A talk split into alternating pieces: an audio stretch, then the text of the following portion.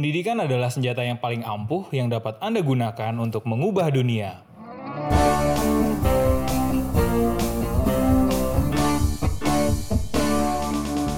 Welcome to PJFM.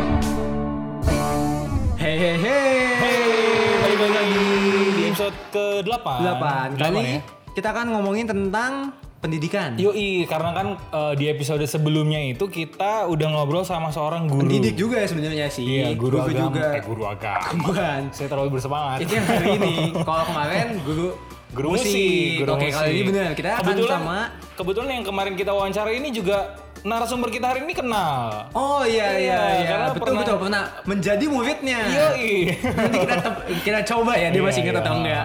Nah, ini kita akan sama guru agama, guru agama Yoi. dan juga nanti akan ada dosen. Betul. Betul. Sekarang pertama kita ke guru agamanya dulu nih. Silakan Bapak Guru memperkenalkan diri. Bersiap. Enggak. Gak usah begitu bro. Kirain. ini apa? Eh, selamat pagi Cenggu, bukan ya? Nggak ngajar TK juga. Itu sekolah sekolah tetangga gitu. Oke. Silakan. Oke, eh, oke gue, oke saya. Bebas. Pak Guru mau pencitraannya seperti apa? Oke, nah, nama saya Benedictus. Eh, sekarang saya ngajar SMA di Jakarta Pusat. Oke. Saya ngajar agama. Saya juga alumni Atma Jaya. Harus promosi kan? Boleh. Nggak apa-apa. Jadi narasumber kita ini adalah salah satu kawan lama gue juga Oh, Oke, di, betul betul. di Atma Jaya. Nih mau kita tanya coba dulu nama guru musik ketika SMA. Banyak bos. Oh, yang Yang mana dulu nih? Guru yang udah banyak. agak tua. Yang main Banyak. bass betot, yang, Yang main kontrabas. iya. Yang main bass betul kadang-kadang pakai kacamata. Gak tahu deh. Iya iya iya. Agak botak, Iya, rambutnya, iya, iya. hidungnya mancung. Bisa, jadi, bisa jadi. Pak Bambang. Iya betul kemarin ya di episode sebelumnya kita Tapi gue kenalnya dengan. Pak Bambang Kantus. Kenapa? Oh, Karena dia- dia ngajar kangtus. Kantus tuh kan nyanyi, dia ngajarin. Oh, Iya, Anak dia ngajar kangtus. Di- yang si April Swita bener bener. Ah, Oke. keren ya. Nah, kita akan ngomongin pendidikan. Pertama, mungkin pertanyaan paling simpel sih yang paling kayak banyak orang Yang tanyain. mainstream. Iya. Kenapa sih masih mau jadi Seorang guru. guru gitu di saat saat ini kita tahu lah maksudnya eh, udah peminatnya guru ini makin turun dan maksudnya banyak orang menganggap enggak Profesi guru adalah hal yang enggak enggak belum menjanjikan di Iya, Indonesia betul. gitu. Mau dapat apa gitu. Wih. Oke, kenapa masuk jadi guru? Ya karena basic gua kan kuliahnya di jurusan pendidikan, pendidikan keagamaan. Salah satu eh, salah satu eh, sarana pekerjaannya yang paling memungkinkan adalah menjadi guru. Guru. Ya. Dan memang kebetulan waktu gue juga gak pernah kepikiran sih bakal jadi guru, jujur. Wow. Selama 4 tahun kuliah ya nggak tahu sih ntar mau kerja apa gitu Ah. nggak ngerti sebenarnya tapi memang basic-basic mengajar udah diterapkan kita ikut banyak ngajar dari SD SMP SMA ngajar di paroki-paroki juga Ya. terus sampai gue lagi tugas akhir menjelang akhir-akhir tugas akhir tiba-tiba ditawarin mau nggak ngajar terus gue realistis dengan hidup gue mau kerja abis lulus ya gue ambil Oportunis intinya. Iya, Ah, realistis. realistis dengan hidup. Gua nggak mau lulus nggak punya kerjaan. Iya, iya, Buat iya, apa iya. gelar lu tapi lu nggak punya kerja, men. Iya, gitu. iya, iya, iya. Nggak ada gunanya perjuangan lu gitu. Awal dari situ awalnya. Hmm. Sekarang berarti udah 2 tahun, 3 tahun. No, ini masuk tahun keempat. Oh, udah oh iya. Nggak tahun. berasa ya? Heeh. Nggak berasa. Ya, Buat kita, buat dia mungkin berasa. mulai tahun 2017 gue mulai eh, ngajar. Bahkan sebelum hitungannya belum sidang gue gitu. Oh, Iya, udah iya, iya, sebagai iya, anggota di iya. sana. Betul betul. Jadi kalau di pendikat itu, wih, pekerjaan bukan kita cari tapi datang. Tergantung sih. Iya, Tergantung kualitas dirimu nak. bener juga. Kalau anda tidak berkualitas tidak ada pekerjaan. soalnya gue juga persis juga kayak gitu ketika habis lulus langsung ditanya, Kia kamu mau kerja jadi guru nggak? Boleh deh bu, gitu kan. Kan Dulu sebelum di CM ya. Satu satu yayasan seperti Anda dulu ya. Jadi satu frekuensi. Jadi Sebelah sebelahan duduknya. jadi kuliah di pendikat sangat luar biasa. Oke oke. Sekarang jadi guru sesuai tapi guru agama. Iya, dengan sesuai pendidikan bidangnya, ketika betul. dulu.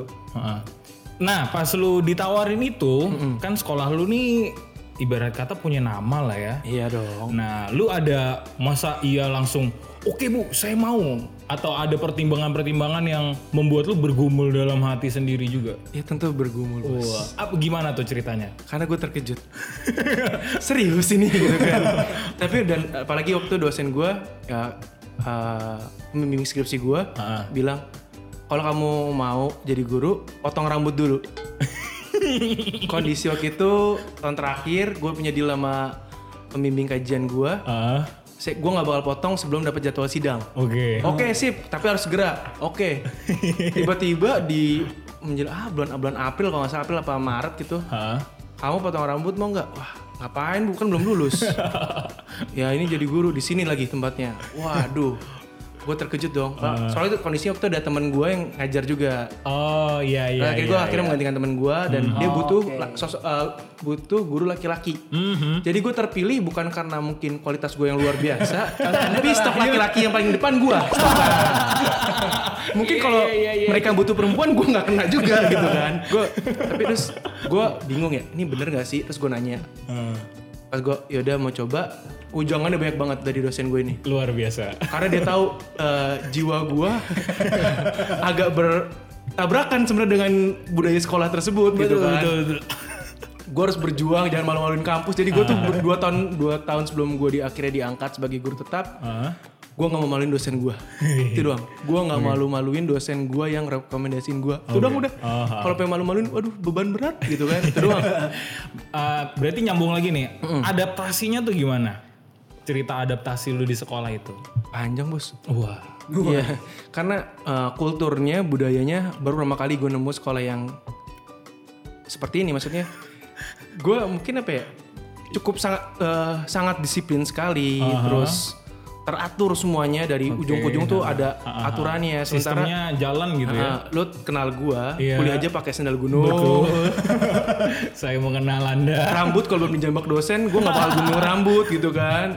Iya, Kayak iya. nggak gue banget. Ah, brewokan. Iya gitu kan kayak wah adaptasi awal-awal tuh cukup Ah. menyulitkan terus untungnya gue di sek- kampus tuh eh di kampus lagi di sekolah Ah, punya senior yang uh, juga Selalu kakak angkatan oh. Oh. jadi Nge-guide lu juga ya. ya Mentor lah ya. jadi yang dampingin gue terus Hmm. ketemu juga beberapa teman-teman di sana yang ternyata SMA-nya sama kayak gue Oh. gitu jadi oh koneksinya oh lebih enak kebangunnya jadi Sama atau seangkatan? uh, sama Oh. Alumni satu alumni. alumni dia senior gue dia Oke senior oke gua. oke. Bukan, bukan, bukan. perempuan bos, perempuan. Ada suara-suara. Ada suara-suara. Ada suara gaib tadi. Iya iya. Podcast ini serem. Seperti episode la- Ya, yang jadi- sebelumnya. Bapak Diktus ini dulu sempat hampir jadi Romo Diktus. jauh bro, jauh. belum, belum. Dikit lagi. Enggak apa-apa. Masih jauh banget itu mah. Baru awal udah kuat, nggak kuat gua. Oh iya. Jadi adaptasinya itu memang susah ya karena kulturnya, karena ininya. Tapi sekarang udah udah nyaman lah ya. Udah ya udahlah. Biasa gitu ya. Udah Karena juga lu udah ketemu lah cara atau formulanya untuk eh, berrelasi sama murid-murid. Iya, yang buat gue bertahan lama adalah selain karena faktor dosen, Ah. faktor gue punya senior yang enak, punya beberapa teman yang juga bisa uh, sefrekuensi, Hmm. uh, berdin- berdinamika dengan anak-anak remaja, anak SMA tuh asik. Hmm. Meskipun awalnya gue panik. Karena lu cowok sendiri. Yoi. itu cuy. berat banget Dan dia, dia dan dia menggantikan seorang guru yang wah gitu. Secara paras. kayak dasteran gitu bos yang ngegantiin. Ada standar yang perlu dipenuhi. Sementara yo kali gua. Nah kan itu yang membedakan di situ. Gitu aja sih. Oke oke. Abis Gokil, gokil. Nah terus eh, tadi ketika awalnya nggak pengen jadi guru dan akhirnya sekarang jadi guru dan ngelihat maksudnya hmm, anak-anak sekarang kan juga peminat untuk menjadi guru tetap masih kurang lah ya untuk beberapa faktor. Hmm. Dari lu sendiri pandangannya gimana sih sekarang ketika udah menjadi si profesi guru itu sendiri? Nah kalau menurut gue sih jadi guru nggak bisa dipaksain. Maksudnya meskipun banyak yang kayak jujur kayak gue kan kecemplung ya. Iya. Ya kalau gue mau karena bokap uh, Realistis. Iya. Kalau gue di keluarga gue, lu kalau udah kecemplung, lu tuh belajar berenang biar nggak tenggelam. Iya, Iya, iya, iya, kayak iya. nyampe aja. ya jadi ya udahlah jalan terus tapi uh, kondisi yang kayak gitu yang gue nanya juga ke anak-anak murid gue gitu kan. Pada pernah nggak sih punya Hmm. niat jadi guru? Biasanya pernah waktu masih jam zaman Pas TK SD juga ya, TK. SD Iya, betul. maksimal SD SMP tuh jadi jarang gitu. Ketika oh guru kayak gitu ya? Gila gitu. Nah, jadi menurut gue ya guru karena mungkin stereotip kita sih guru tuh kayak kuno banget guru tuh kayak Untuk hanya untuk orang tua. "Eh, orang tua gitu kan. Padahal ya kalau masih muda ya muda. Iya. Masih muda bisa Iya, nongkrong bener. bareng bisa nonton konser bareng. Eh Wih. Lah iya masih muda nonton konser masa nggak boleh? Iya, guru hangout boleh dong. Boleh. Boleh dong. iyalah. Jadi emang guru nih profesi yang nggak terbatas sama umur. Ha. Ini ada ini gak sih? Maksudnya kan pandangannya apa sih maksudnya menurut kakak penyebab utamanya nih banyak yang malas jadi guru apakah karena maksudnya di image anak-anak ini guru kelihatannya galak atau nyebelin Iya. atau Atau maksudnya dari kan si- ada juga yang bilang maksudnya dari segi ekonomi Iya, atau dari salary, kayak dari orang gitu-gitu. tuanya ha, yang ha. maksudnya padahal gue rasa itu an- orang-orang yang punya niat guru itu kan sebenarnya kayak pelayanan juga Iya, ya iya. maksudnya banyak gitu maksudnya Project yang punya 2M. niat itu Makasih Mas. Iya. Iya, iya kalau menurut gue sih itu juga pengaruh sih kayak yang lu bilang tadi stereotip terus Ah, kesannya guru tuh penghasilannya nggak besar. Padahal mah kalau kalau lu niat jadi guru penghasilan besar juga bisa. bisa ya. internasional gitu ya Seriusan lu jadi PNS? oh iya Widih. betul PNS gede banget PNS guru di Jakarta men gede banget. Wow. Wih di betul. Betul. Betul dikonfirmasi. Gak bohong Iya sih. kalah yang sekolah swasta sekarang. Jauh ya? Iya, Tolong sekolah swasta. iya beneran gue nggak bohong. Jadi dan tapi bisa bisa. Wow, tuh, tuh. untuk sekolah Ada- negeri bisa. Dua ada digit. dua digit. bocorannya dua digit loh. Dua digit? Untuk fresh dua dua graduate rupiah. Dua digit? Oke, saya tidak. oke. salah dong. Bukan dua digit dong. Apa tuh? Kepala digit. dua. Oh iya iya. delapan Oh, digit. delapan digit betul. 8 digit. iya. Wow. Bisa guru negeri tuh udah bisa segitu untuk sekarang. untuk pertama masuk? Enggak lah. Enggak ya. Oh, setelah jadi setelah jadi PNS jadi gitu. tapi ya PNS ketika jadi PNS Heeh. mungkin itu sangat mungkin. Ketika masuk pun itu juga yang enggak Nggak rendah-rendah banget. rendah banget ya. Cukup lah ya. Cukup. Ah, Untuk guru- manusiawi lah ya. manusiawi banget Kalau di Jakarta. Ah, ah, untuk PNS Oke, oke. Jakarta bukan honorer Oke. bukan Oke, sekolah iya. swasta yang nggak terkenal Oke. seriusan Oke, betul, sekolah betul, swasta betul, banyak yang jauh betul. lebih rendah Iya, iya iya karena nggak nggak mampu SPP-nya juga lebih rendah Betul, sih. betul banget Ketika udah punya nama dulu baru ya. Heeh. Hmm. gitu tapi apalagi soal tes stereotip itu terus sama dia anggap guru itu nggak bukan pekerjaan yang keren karena eh yang enggak enggak pandangannya enggak cool gitu ya iya nggak- Nggak- jarang ada nggak- guru jarang ada guru yang wah gitu ya Nggak mantul eh, Sudirman gitu ya. Oke oke. ya lalu iya. gue jujur gue masih sebenarnya masih kontradiksi dengan guru tuh harus yang kalem. Potongannya klimis baju dimasukin. Tidak berewokan. itu gue Laskar pelangi gitu ya. nah iya padi padahal mah kalau lu ke pelosok juga guru-guru nggak begitu-gitu amat. Iya iya iya iya. Sumpah gue pernah sebulan di NTT nggak kayak gitu. Oh iya iya. biasa aja gitu pakai ya udah santai aja Cuma cuman seadanya ya. iya maksudnya eh, pakai sadar itu gimana ya Maksud gua yang ada yang ada gitu loh. ya maksudnya guru yang nggak harus nggak harus yang ya Iya. karena mungkin setelannya guru kurang kurang menarik aja Oh, Oke. seragam guru kurang ekeci sih jadi kesannya jauh gitu dari siswa gitu kan siswa Kesannya, nih. guru sebuah sosok yang Padahal, jauh dengan ya, mereka misalnya nih. Untouchable ya. misal lu lulus kuliah umur 22 23 misalnya Padahal anak SMA kelas 3 umur 17 18 iya deket tapi Eh, kalau lu sebenarnya. Nah, kalau lu gayanya tua ya susah Oh oke. kalau gayanya su- kalau gayanya tua jadi nah kesannya kan guru kesannya jadi kesannya tua Kuno, banget padahal tua mah gitu ya. kalau masih muda muda aja gak usah Iya, gitu ditua-tuain gitu, Ah, biar bisa gaul sama anaknya. sebenarnya bisa ketika- ngomongin soal film Ah, gitu kan. ketika hubungan guru dengan murid di luar sekolah gitu Hmm. ya maksudnya sebenarnya boleh-boleh aja kan dengan maksudnya lebih ke sosok kan ketika ngajar pasti kan Ya guru. guru tapi kan di luar maksudnya sebagai mungkin agak seperti temen Ah, ya itu sebagai etika gimana etika guru Profesinya. iya kalau setahu gue sih kalau guru malah yang gue belajar dulu ya ini secara teori harusnya Hmm. sih bisa pers- dekat secara personal dengan siswanya gitu kan. Iya, iya. as a parent atau mungkin kalau yang umur dekat sahabat gitu kan. Iya. Kalau gue sendiri sih gue menjala- eh, mencoba menjalani seperti itu. Meskipun mungkin nggak banyak juga yang demen dengan mungkin apalagi apalagi lu maksudnya posisinya sebenarnya agak agak riskan gitu kan. Karena Ah, sekolah lu isinya cewek know semua. hubungan itu tapi gue coba menjaga aja maksudnya. Ya se, se, iya, se, iya. senormalnya Sewajarnya lah ya. sewajarnya. Sebenarnya bisa kok anak-anak juga masih bisa kalau oh gurunya ternyata bisa ini asik juga gitu ya ternyata oh bapak dengan musik ini emang umurnya berapa lah? Seakan-akan guru tuh harus dengerin lagunya lagu Chrisye. lagunya koplo Lagu gitu. Wah, gila, men. Iya, masa gue denger lagu bara suaranya, wah bapak tahu, wih gila kali. Ke sana ke sana kayak guru tuh kuno gitu ke sana kayak kayak kayak nggak punya handphone buat internet gitu. gila kayak, oh men, gue anak Jakarta men, eh gila kali. Bapak dengerin lagu indie. Iya, kecuali gue kalau tanya lagu disco gue gak ngerti memang. Atau gue kira, atau lagu apaan gak ngerti gue. Tapi karena anak-anak lu, lu jadi ngerti kan K-pop gitu-gitu ya. Ya lumayan tahu. Oh ini. Oh, Oh, iya, iya, iya. Meskipun mukanya sama semua menurut gue. Diserang deh di sini gue nih. Habis gue nih. Dicari nih nanti nih. Cari nih Bapak Diktus. Oke, kita ke pertanyaan selanjutnya. Eh itu, gue juga pengen nanya gimana pandangannya ketika dulu sebagai murid ngelihat guru dan sekarang sebagai guru sendiri yang ngejalanin gitu. Iya, iya, iya. Kan tadi maksudnya kita ngomongin kan bahwa murid tuh pinggirnya kayak ah gurunya kuno gitu. Nah tapi sebagai jadi guru ini Iya. Pernah SMA juga kan ya? Iya dong. Iya. Sa- Saya saya tidak saya tidak bisa mengingkari bahwa saya pernah SMA juga, pernah bandel juga. Pasti pernah gibahin gurunya kan di tongkrongan gitu kan. Tentunya pasti dong. Nggak asik kalau nggak gitu. Pernah di asrama juga kan ya? Kenapa anda tarik ke sana lagi? Iya, iya, iya, maaf. Oke. Terus, terus. Eh, kalau tadi eh, tadi pandangan gue sebagai siswa dan sebagai guru. Nah, Ah. Gue cuma takut karma doang sebenarnya. Wow. Apa yang gue gue takutnya apa yang gue lakukan ke guru gue dulu, Hah? itu lakukan kepada gue.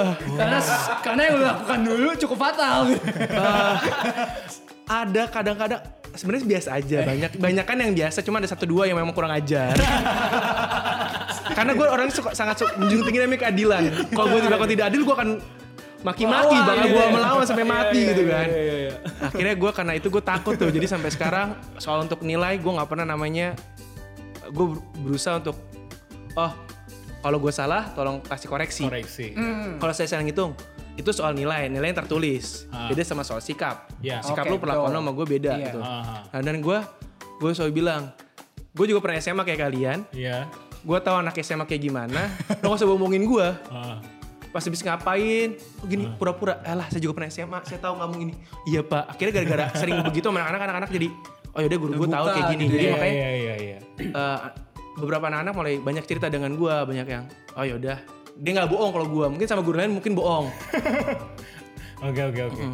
Oh, berarti eh, ada trust di situ ya ketika gue membangun trust Oh, itu karena kalau menurut ya. gue trust itu penting kan Oke, oke. Oke. Nah, ini tadi berkaitan sama pertanyaan dari Render nih. Mm-mm. Eh, kalau menurut lu gimana soal kayak kasus-kasus anak zaman sekarang tuh jadi kayak susah untuk menghormati guru, ya kan? Ada yang mukulin guru lah, ada yang apa ke, yang baru-baru ini Maksudnya zaman kan berubah. Kalau dulu kan orang dulu mikirnya kayak dulu kan pasti guru bilang tuh emang harus bisa. dihormati gitu. Dulu maksudnya kalau zaman dulu kan yang emang eh, agak keras lah ya secara Iya. maksudnya dengan fisik. Ha, ha, Cuman kan sekarang Berubah. udah nggak mungkin dong bisa Ha, kayak gitu. Betul. Tapi eh, ada malah- Anaknya. anaknya malah kasusnya kalau tanggapan Yang kelewatan, kurang ajarnya. kalau menurut gue sih itu eh, nggak cuman faktor dari bisa satu. sekolah doang ya jadi Iya, kan iya, iya. ini kalau pendidikan itu kan meskipun kita di sekolah kita juga kerjasama dengan orang tua jadi Hmm. pasti mau nggak mau eh, lingkup sekolahnya lingkup sosialnya lingkup keluarganya kan saling berkaitan juga Hmm. kalau mungkin kebetulan gue di sekolah yang cukup teratur jadi mungkin nggak terjadi seperti itu Cukup teratur. Iya, itu sangat teratur bahkan sangat teratur jadi nggak mungkin tuh kayak gitu lu Iya, ngina iya, guru iya. lu secara terbuka habis besoknya Asli? ya asli lah Wah, kacau. kan tuh tidak menghargai guru Oh. Itu kan orang ibaratnya guru kan orang tua lu di sekolah Iya, iya, iya. emang lu bakal melakukan hal itu sama orang tua lu Hmm. jadi pemahaman yang seperti itu yang kita tanamkan bukan lagi ketakutan tapi lu respectnya yang Oke. diangkat jadi kalau menurut gue memang banyak karena faktor banyak banget sih Iya, iya. Iya, karena sebenarnya pendidik utama juga keluarga gitu ya, ya. keluarga juga punya peran jadi kalau keluarga cuman ah ini anaknya masuk ke sana biar baik Iya. Tolong, Tapi- saya maunya jadi udah ya. Lah, Gitu. emang kira anak udah kayak itu apa namanya Adonan. lilin Atau enggak Slime. permak lepis lah. Sekolah kayak permak lepis. plastisin nah itu suara, suara gaib dengar tadi gua Suara gaib. suara banyak plastisin. soal gaib. Nah, kita kan nggak kayak gitu jadi ya kita kan oke. eh, anak-anaknya juga punya problem masing masing-masing gitu kan Oke oke. Nah sama sekarang kalau tadi kita ngomongin perkembangan zaman dari segi budaya kali ya. Ah. Sekarang kita dari segi teknologi. Ah, Kita tahu nih belakangan ini mulai banyak startup startup berbasis teknologi. Iya. Eh, yang maksudnya kayak mem- membuat membuat kayak belajarnya online segala Ah. macam maksudnya bisa dia ngajarinnya online dengan teknologi dengan gadget Hmm.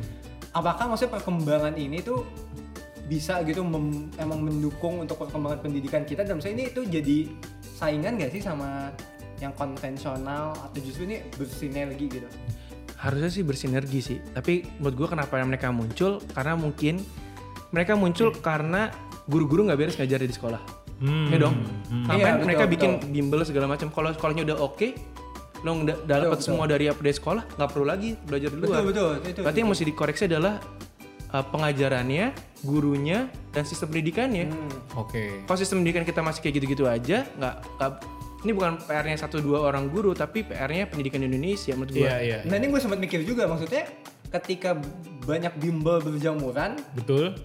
bukankah itu jadi menandakan bahwa kita tuh kadang masih mentingin hasil gitu padahal bukan maksudnya eh, ketika kita belajar di sekolah justru kan maksudnya Proses. banyak yang bilang maksudnya proses Eh, kalau menurut lu gimana? Iya. Teorinya sih kita diajarin proses, iya kan? Betul. Teorinya Bukan sih, betul, proses, teorinya. tapi ketika di lapangan. waktu di lapangan yang dilihat adalah gitu. angka. Betul. Gue nggak bang nilai. Betul. Kalau nilai kan nilai kehidupan, Oh iya, banyak. betul. angka. Angka. Betul. Ya mau nggak mau, ya sistem pendidikannya Sistem lagi lu. pendidikan balik lagi ya? Lu Iya, sekolah iya. bagus nih, lu bisa ngasih, oh nilai angka tuh harus speknya sekian, kan beda-beda kan. Sementara pas mereka dibandingin dengan angkanya di sekolah lain yang mungkin kualitasnya tidak sama, Oh iya. lu 9 di sekolah ini tapi dibandingin dengan nilai misalnya lu sekolah sekolah lu nilainya lah 7 atau tujuh setengah gitu pas dibandingin kemampuannya hebatan lu Iya iya. Padahal nih tidak lu lebih merata rendah gitu. iya, itu Iya. yang tidak merata itu yang menurut gua menjadi PR besar sih maksudnya selagi uh, konsep pendidikan kita masih kayak gitu Iya, uh, dan kayak gitu terus. dan sekolah-sekolah kan juga fasilitasnya nggak sama semua Iya. nggak usah jauh-jauh ke daerah-daerah pinggiran uh, misalnya ke timur Indonesia NTT gitu. nggak usah lah ibaratnya ini Pulau Jakarta Jawa ya aja ya Jawa. Pulau Jawa yang pusatnya katanya pusatnya orang Indonesia aja, Iya, iya. pinggirannya Jakarta masih Susah, sulit. susah. Iya. Iya, iya. Iya, Ciputat, Bekasi, Ciputat. Depok. gua orang Bekasi nggak tuh sekolah-sekolah ke rumah gua pembelajaran pembelajaran jarak jauhnya aja ribet.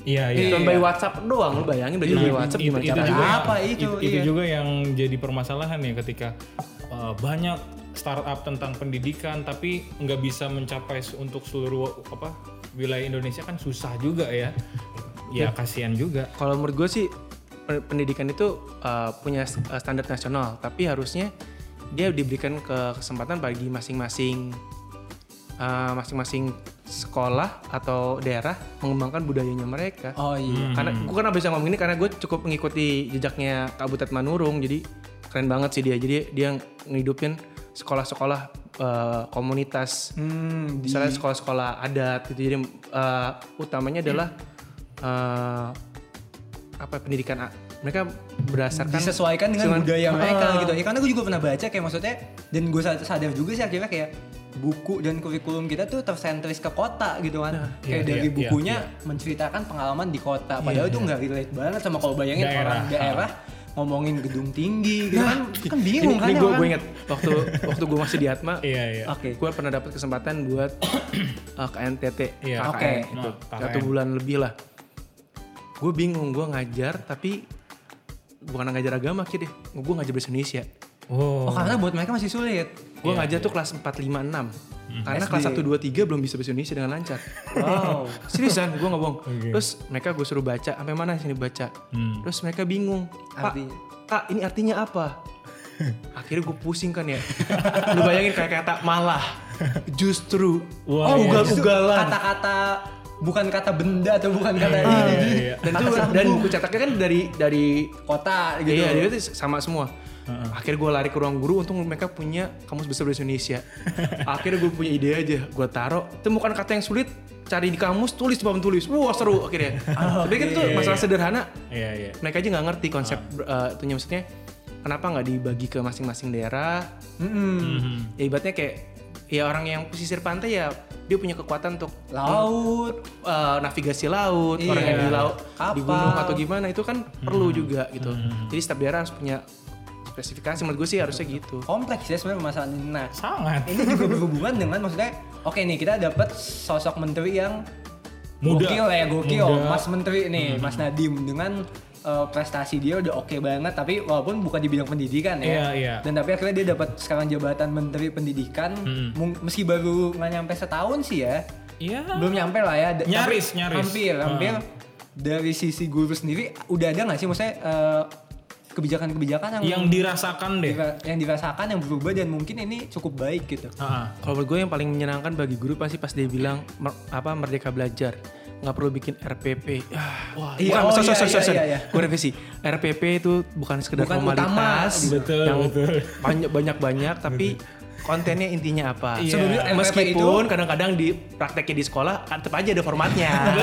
Kayak cuma pindah dari lama ke baru cuma lebih simpel. Betul. Tapi seenggaknya itu satu angin segar. Iya, Meskipun iya. petinggi-petinggi bawah-bawahannya dia mungkin aplikasinya belum nyampe gitu. Hmm, Sementara mungkin kayak kita, oh kita udah nyantol nih ah. terhambat sama regulasi sekolah, Birokrasi regulasi lagi di gitu dinas ya. tempat itu sendiri. Oh. Itu tapi menurut gue itu salah satu angin segar sih. RPP itu yang ini kan Rancangan pem- Nah, rancangan pembelajaran kita. yang biasa yang ketika waktu itu Nadim bilang maksudnya guru tuh terkadang terbebani oleh administrasi Iya. itu ya.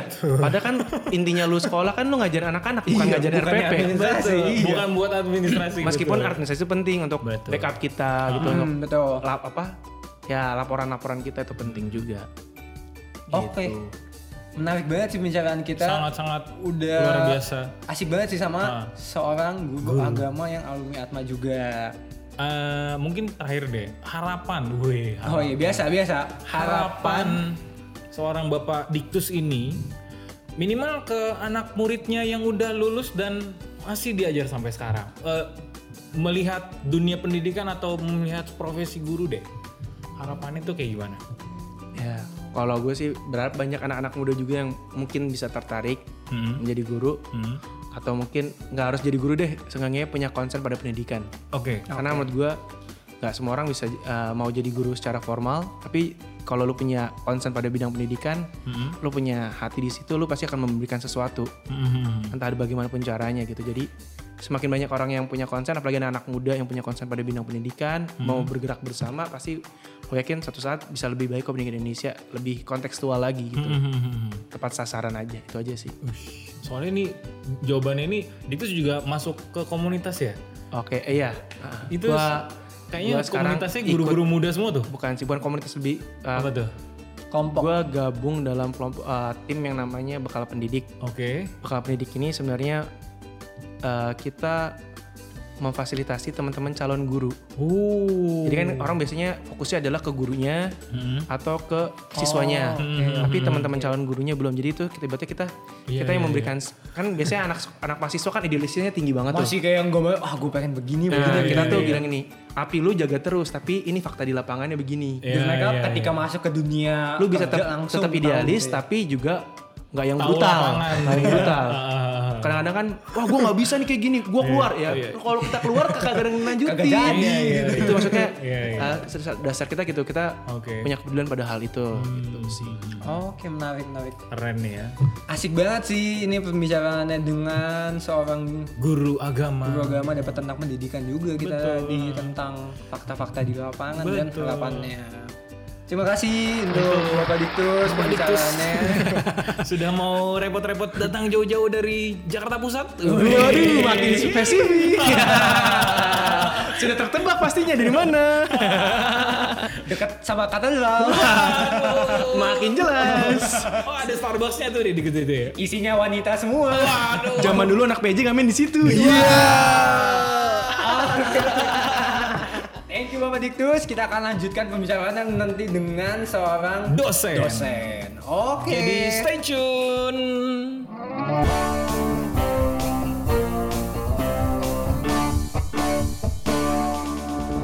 A few moments later.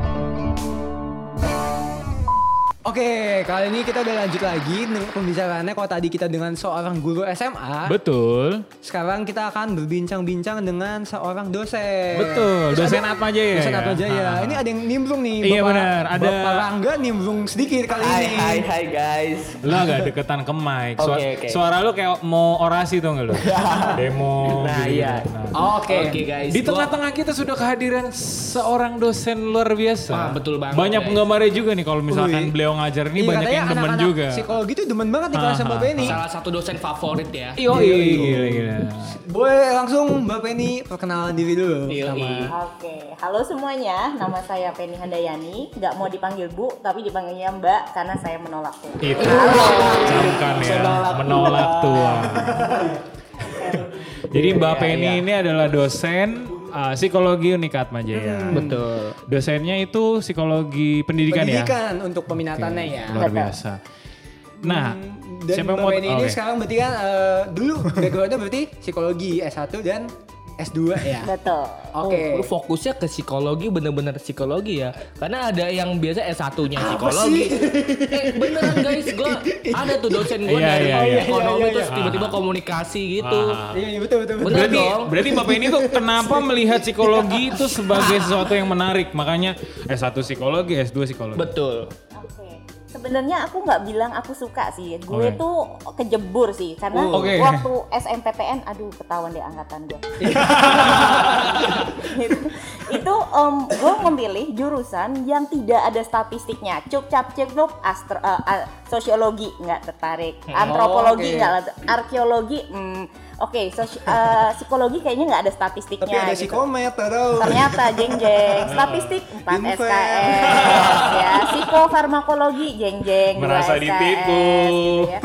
Jadi eh, kalau dibilang apakah secara by design emang linear atau enggak, aku sih emang tidak secara seriously emang pengen masuk psikologi Hmm. tapi karena kalau kita jalannya Trisno Sangkalare Apa itu? apa itu gitu ya Itu dia. Jatuh cinta karena kita mendalami. Itu sih yang terjadi sama aku gitu. Ya. Oke, jadi oke. eh, masuk ke psikologi gitu tahun pertama anjrit gue sakit jiwa. Ya tahun kedua aduh kok tambah sakit jiwa ya? Semakin belajar tentang psikologi Setiap testimoni orang psikologi katanya berobat jalan. betul gitu. Jadinya semakin lama semakin kenal diri semakin tahu oke jadi oke S1 nggak cukup S2 gitu. Wih. S3 ntar dulu ya nunggu anak selesai. Gitu tapi emang cita-citanya kita belajar tentang sesuatu karena kita cinta dan Oke. apa sih yang di dunia ini yang tidak ada manusianya nggak ada Betul. Gitu jadi ya emang menarik aja sih psikologi Sama kayak Bapak Diktus tadi, udah keburu nyemplung, berenang. Emang dicemplungin, Pak. Lo berenang di situ gitu. Dijorokin. Tapi ketika itu kan, oke, ketika psikologi udah diambil, akhirnya jatuh cinta. Nah, untuk memutuskan untuk masa jadi dosen ini, apa emang Langsung jadi dosen pikiran kan? jadi dosen apa udah ada sempet Dari awal masuk kuliah pekerjaan kali ya. lain gitu gimana? Oke.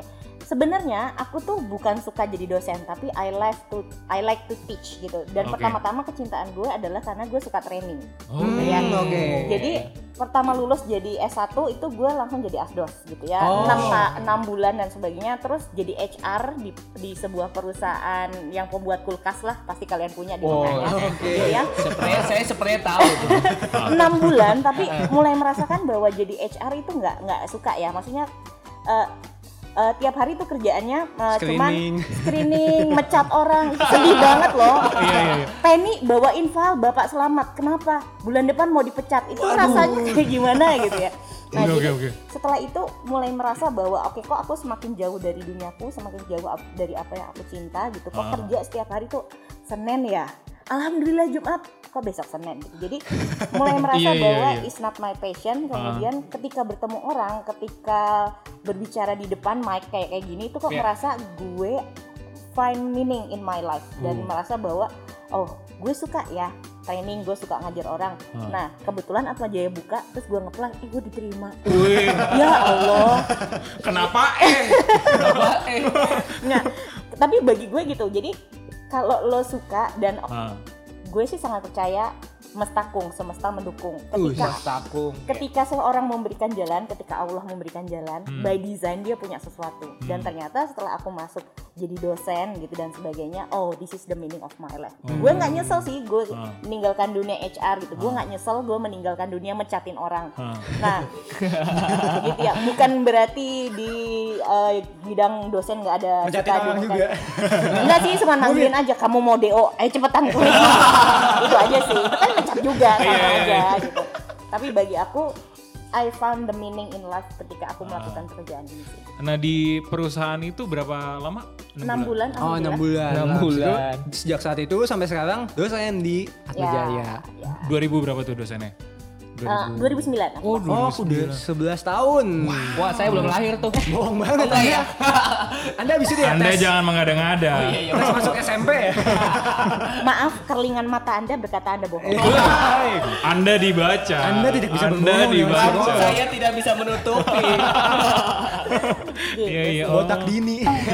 Jadi dari 2009 ke 2020 ini apa aja yang udah apa ya dilewati tuh? Maksudnya cara adaptasinya kah atau ini Apa kayak punya hal-hal cerita-cerita dengan nggak? ketika Ha. mengajar gitu selain tadi ngomong di depan berarti kan itu Iya. prosesnya Pasti ada- ketika- ada hal lain kan? prosesnya gitu kan iya. Eh, ketika masuk menjadi dosen, gue kira oke ngajar paling banter bikin soal, paling banter koreksi. Tapi ternyata ada kurikulum, ada mahasiswa mau DO harus dikonseling, ada harus SMS orang tua bu, anaknya kok nggak bimbingan ya empat bulan ke mana ya gitu ya. Jadi ternyata kembali sih menjadi seorang guru itu biasa, tapi menjadi orang fasilitator, seorang iya. model, Hmm. seorang yang menjadi inspiring, it's much more bigger than that. Hmm. Dan bagi aku eh, meskipun orang tuh bilang wah enak ya jadi dosen mahasiswa libur eh, libur gitu Libur. Eh, tidak seperti itu Ferguson Tidak semudah itu. mahasiswa libur dosennya masuk ngapain nyiap ini semester depan ya. Begitu terus. begitu terus gitu jadi kalau aku bilang eh, di sinilah pentingnya teman-teman menemukan passion sih meskipun eh, ya saya tidak cinta kurikulum tapi saya harus melakukan itu gitu Iya, ya iya, iya. bikin RPS bikin kunci dan sebagainya Eh, adaptasi iya aku butuh like tiga bulan untuk akhirnya bisa Tune oh in. ternyata jadi dosen tuh Kayak kayak gini. gitu ya kenapa di film-film kagak begini ya gitu ya nah tapi kembali sama seperti aku dulu masuk psikologi dan kecebur ketika Allah membuka sebuah pintu ada skenario besar Hmm. Hmm. behind that so ya udah aku jalanin sampai sekarang dan ternyata aku baru sadar loh setelah kalian nanya gue ternyata dari 2009 sekarang ini udah like 11 tahun ya anjir gue lama banget Iya iya. nggak kerasa sama sekali Enjoy juga ya. really really really nggak kerasa sama sekali gitu sih. Apa sih yang membuat maksudnya kan kalau kita nih anak muda masih banyak yang mikir kayak dosen aduh nggak mau aja jadi dosen atau enggak jadi guru juga tadi kita ngomongin guru udah jarang banget gitu anak yang pengen aduh gede mau jadi guru kalau dari Mbak Penny sendiri yang udah pernah ngerasain jadi mahasiswa jadi Iya. sampai jadi dosen juga eh, gimana sih menanggapin hal ini maksudnya eh, dengan ngelihat anak-anaknya atau yang kurang mau jadi dosen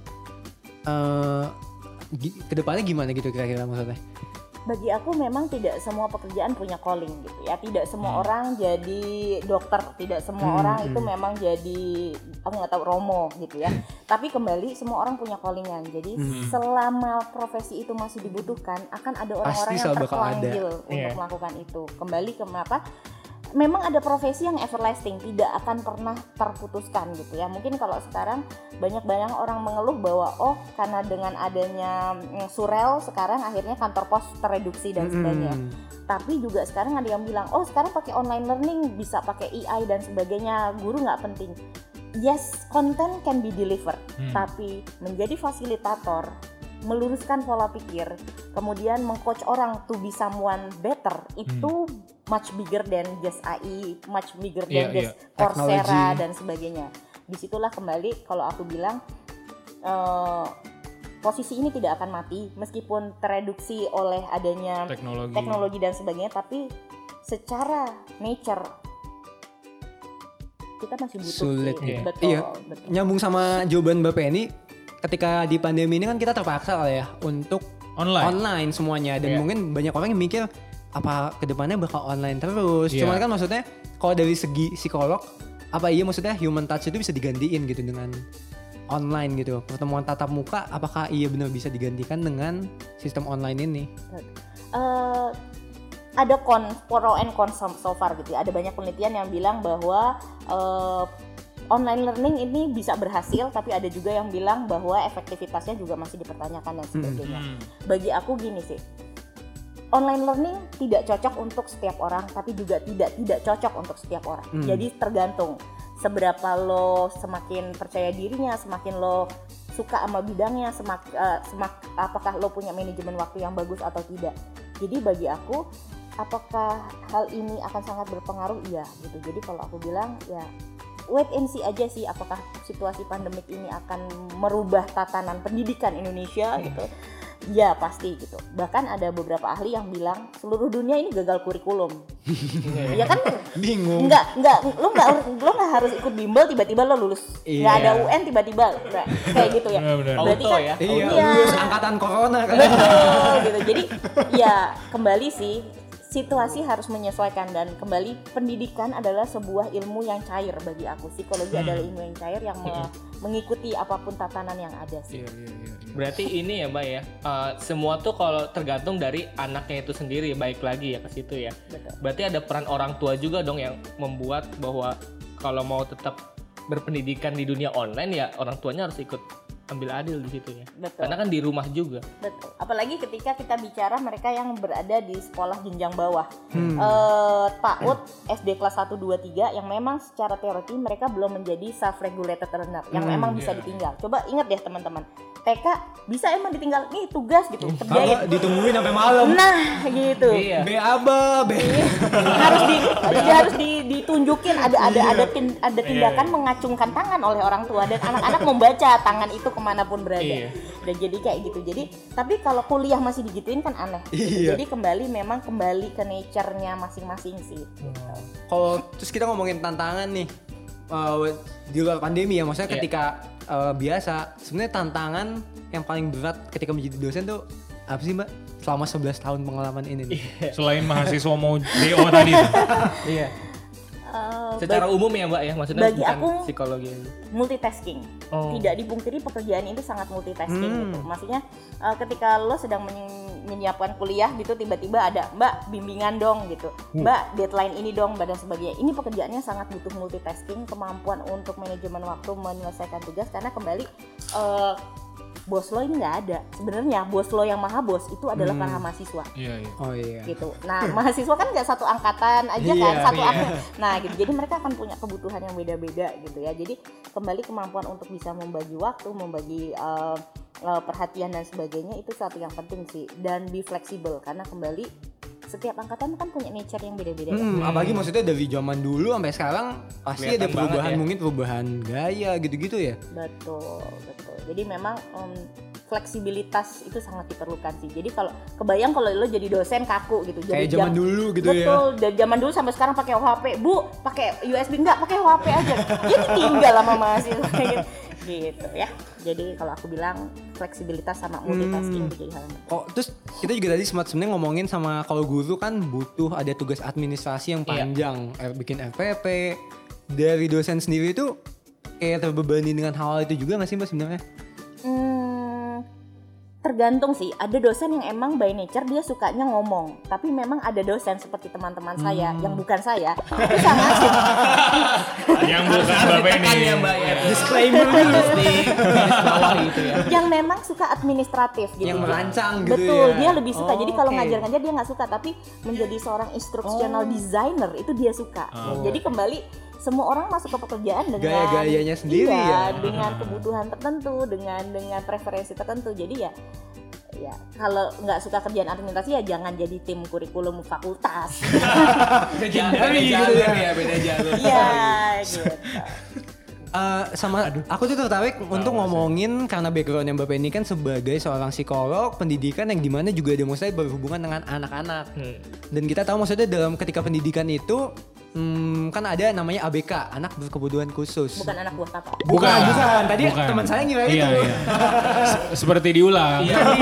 itu urusannya eh, Bu Susi dulu Iya. Untung udah dikoreksi. nanti salah lagi. Iya, nanti saya Oke, Mbak. Menggali kubur sendiri.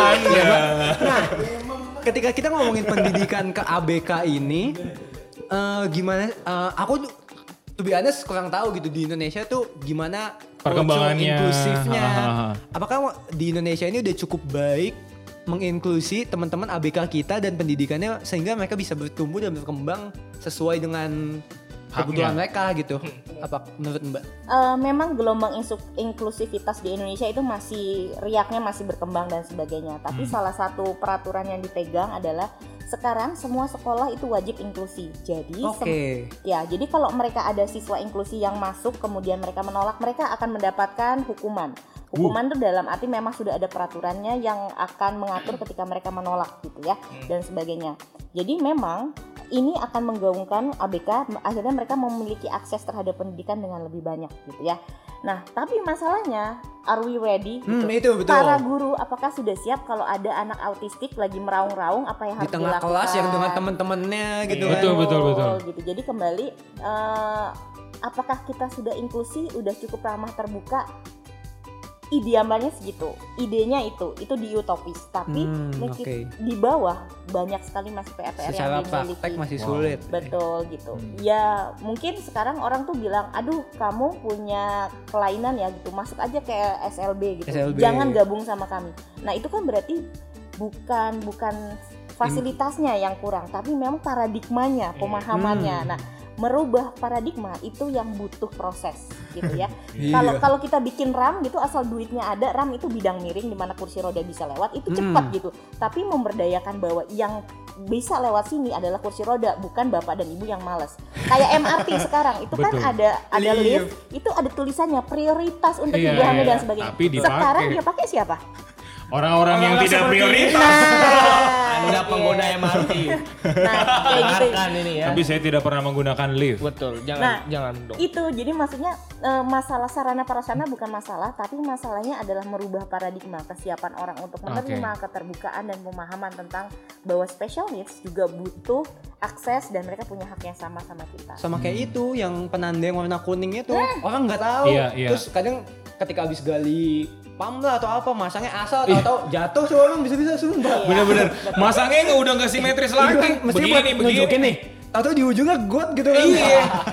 guiding guiding block itu kayaknya memang eh, ketika guiding block itu dianggarkan tidak disosialisasi bahwa guiding block kepada ini divisi-divisi lain yang Betul, gitu ini di fungsinya Ah. apa? Bahwa kalau ada pertigaan itu seharusnya ada yang total Bulet-bulet, 6 gitu iya. untuk mereka berhenti dan disusuri gitu. Jadi kembali sarana prasarana itu sangat mudah diakses, tapi pemahaman kemudian kesadaran itu eh, harta yang lebih sulit untuk di Capai. ah, ya sekarang gitu. Jadi Emang kembali. kompleks sih ya kayak hal kayak Iya, gini. betul. Ini ngomongin juga ketika kita pengen ngubah pemahaman, apakah maksudnya dengan kan kita suka mikir bahwa kayak oh yaudah tinggal masukin aja nih ke kurikulum.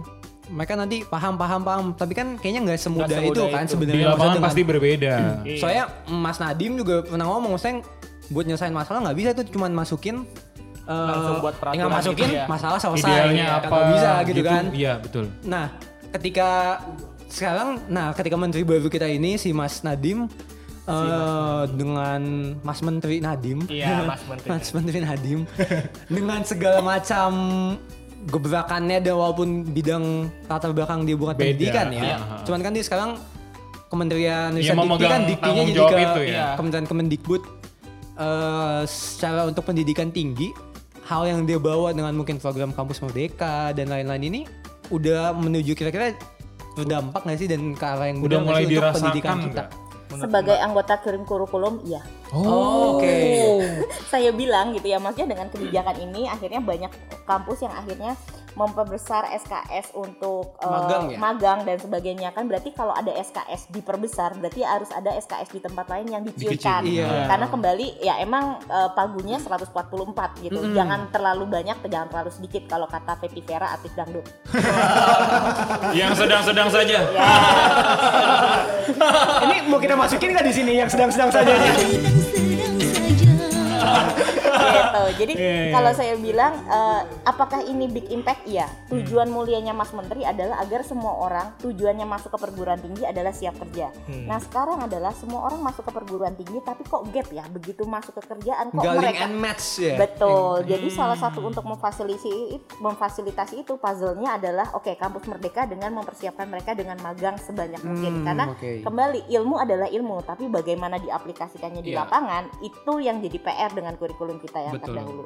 Tapi ketika melakukan itu impactnya sangat besar teman-teman gitu ya. Tapi kenapa? Karena harus ada yang ditarik dan diulur dan sebagainya. Ur- urutan kurikulum jadi berubah dan Hmm, sebagainya gitu ya.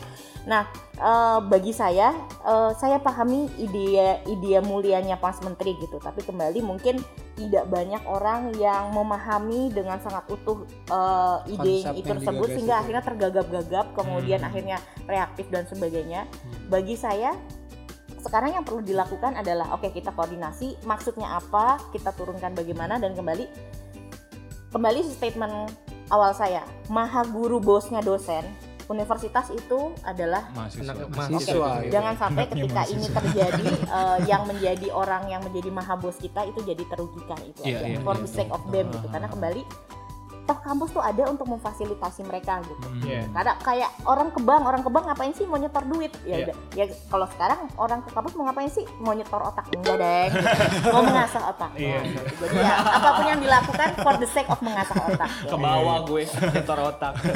Lagi mikir gimana. Oke. Oke oke oke. Kalau kita terus eh di mana kan kalau pendidikan kan kita suka ngomong bahwa pendidikan ini mesti berpusat kepada siswanya di dalam pengajaran dan psikologi kan kalau di Atma salah satu yang menerapkan itu kan student eh, centric learning Student center learning. iya kayak gitu lah ya betul betul kan ya Eh, dan ketika Begayaan banget gue. eh, ya. tapi kan maksudnya itu hal yang dari segi dosen hal itu tuh memudahkan atau menyulitkan sih sebenarnya menurut Mbak Penny Kalau bagi aku fun-fun aja gitu, meskipun efeknya adalah kalau student center learning kelasnya nggak bisa besar, harus kelas kecil, Kecil, ya. gitu. Kemudian proyeknya banyak, kemudian papernya banyak, karena kembali yang diolah adalah mahasiswanya, bukan kami yang menyuapi uh, pengetahuan. betul. mereka yang harus berproses. Kalau Hmm. mereka harus berproses, kita harus jagain. Kalau mau jagain berarti lo harus tahu endpointnya mereka mencapai apa. Hmm. Proses itu dijagain gitu. Kalau mau menjagain berarti mereka harus punya pakem-pakemnya dan sebagainya. It takes more prepper, iya.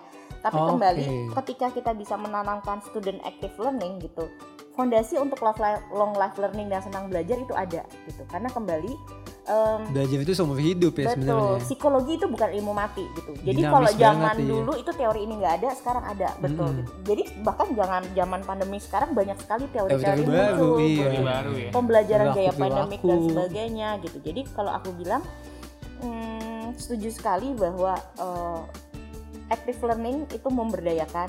Yes, banyak di gue kerjaan. Yes, kan banyak mahasiswa pasti protes juga tapi kan Iya. mikirnya aduh Yes, gitu. Padahal nggak tahu ya. dosennya nggak udah- ngapa-ngapain gitu udah- mikirnya kan Iya, tahu nggak paper menyiksa lu dan menyiksa gue. Aduh, nih Iya. tulisannya apa sih?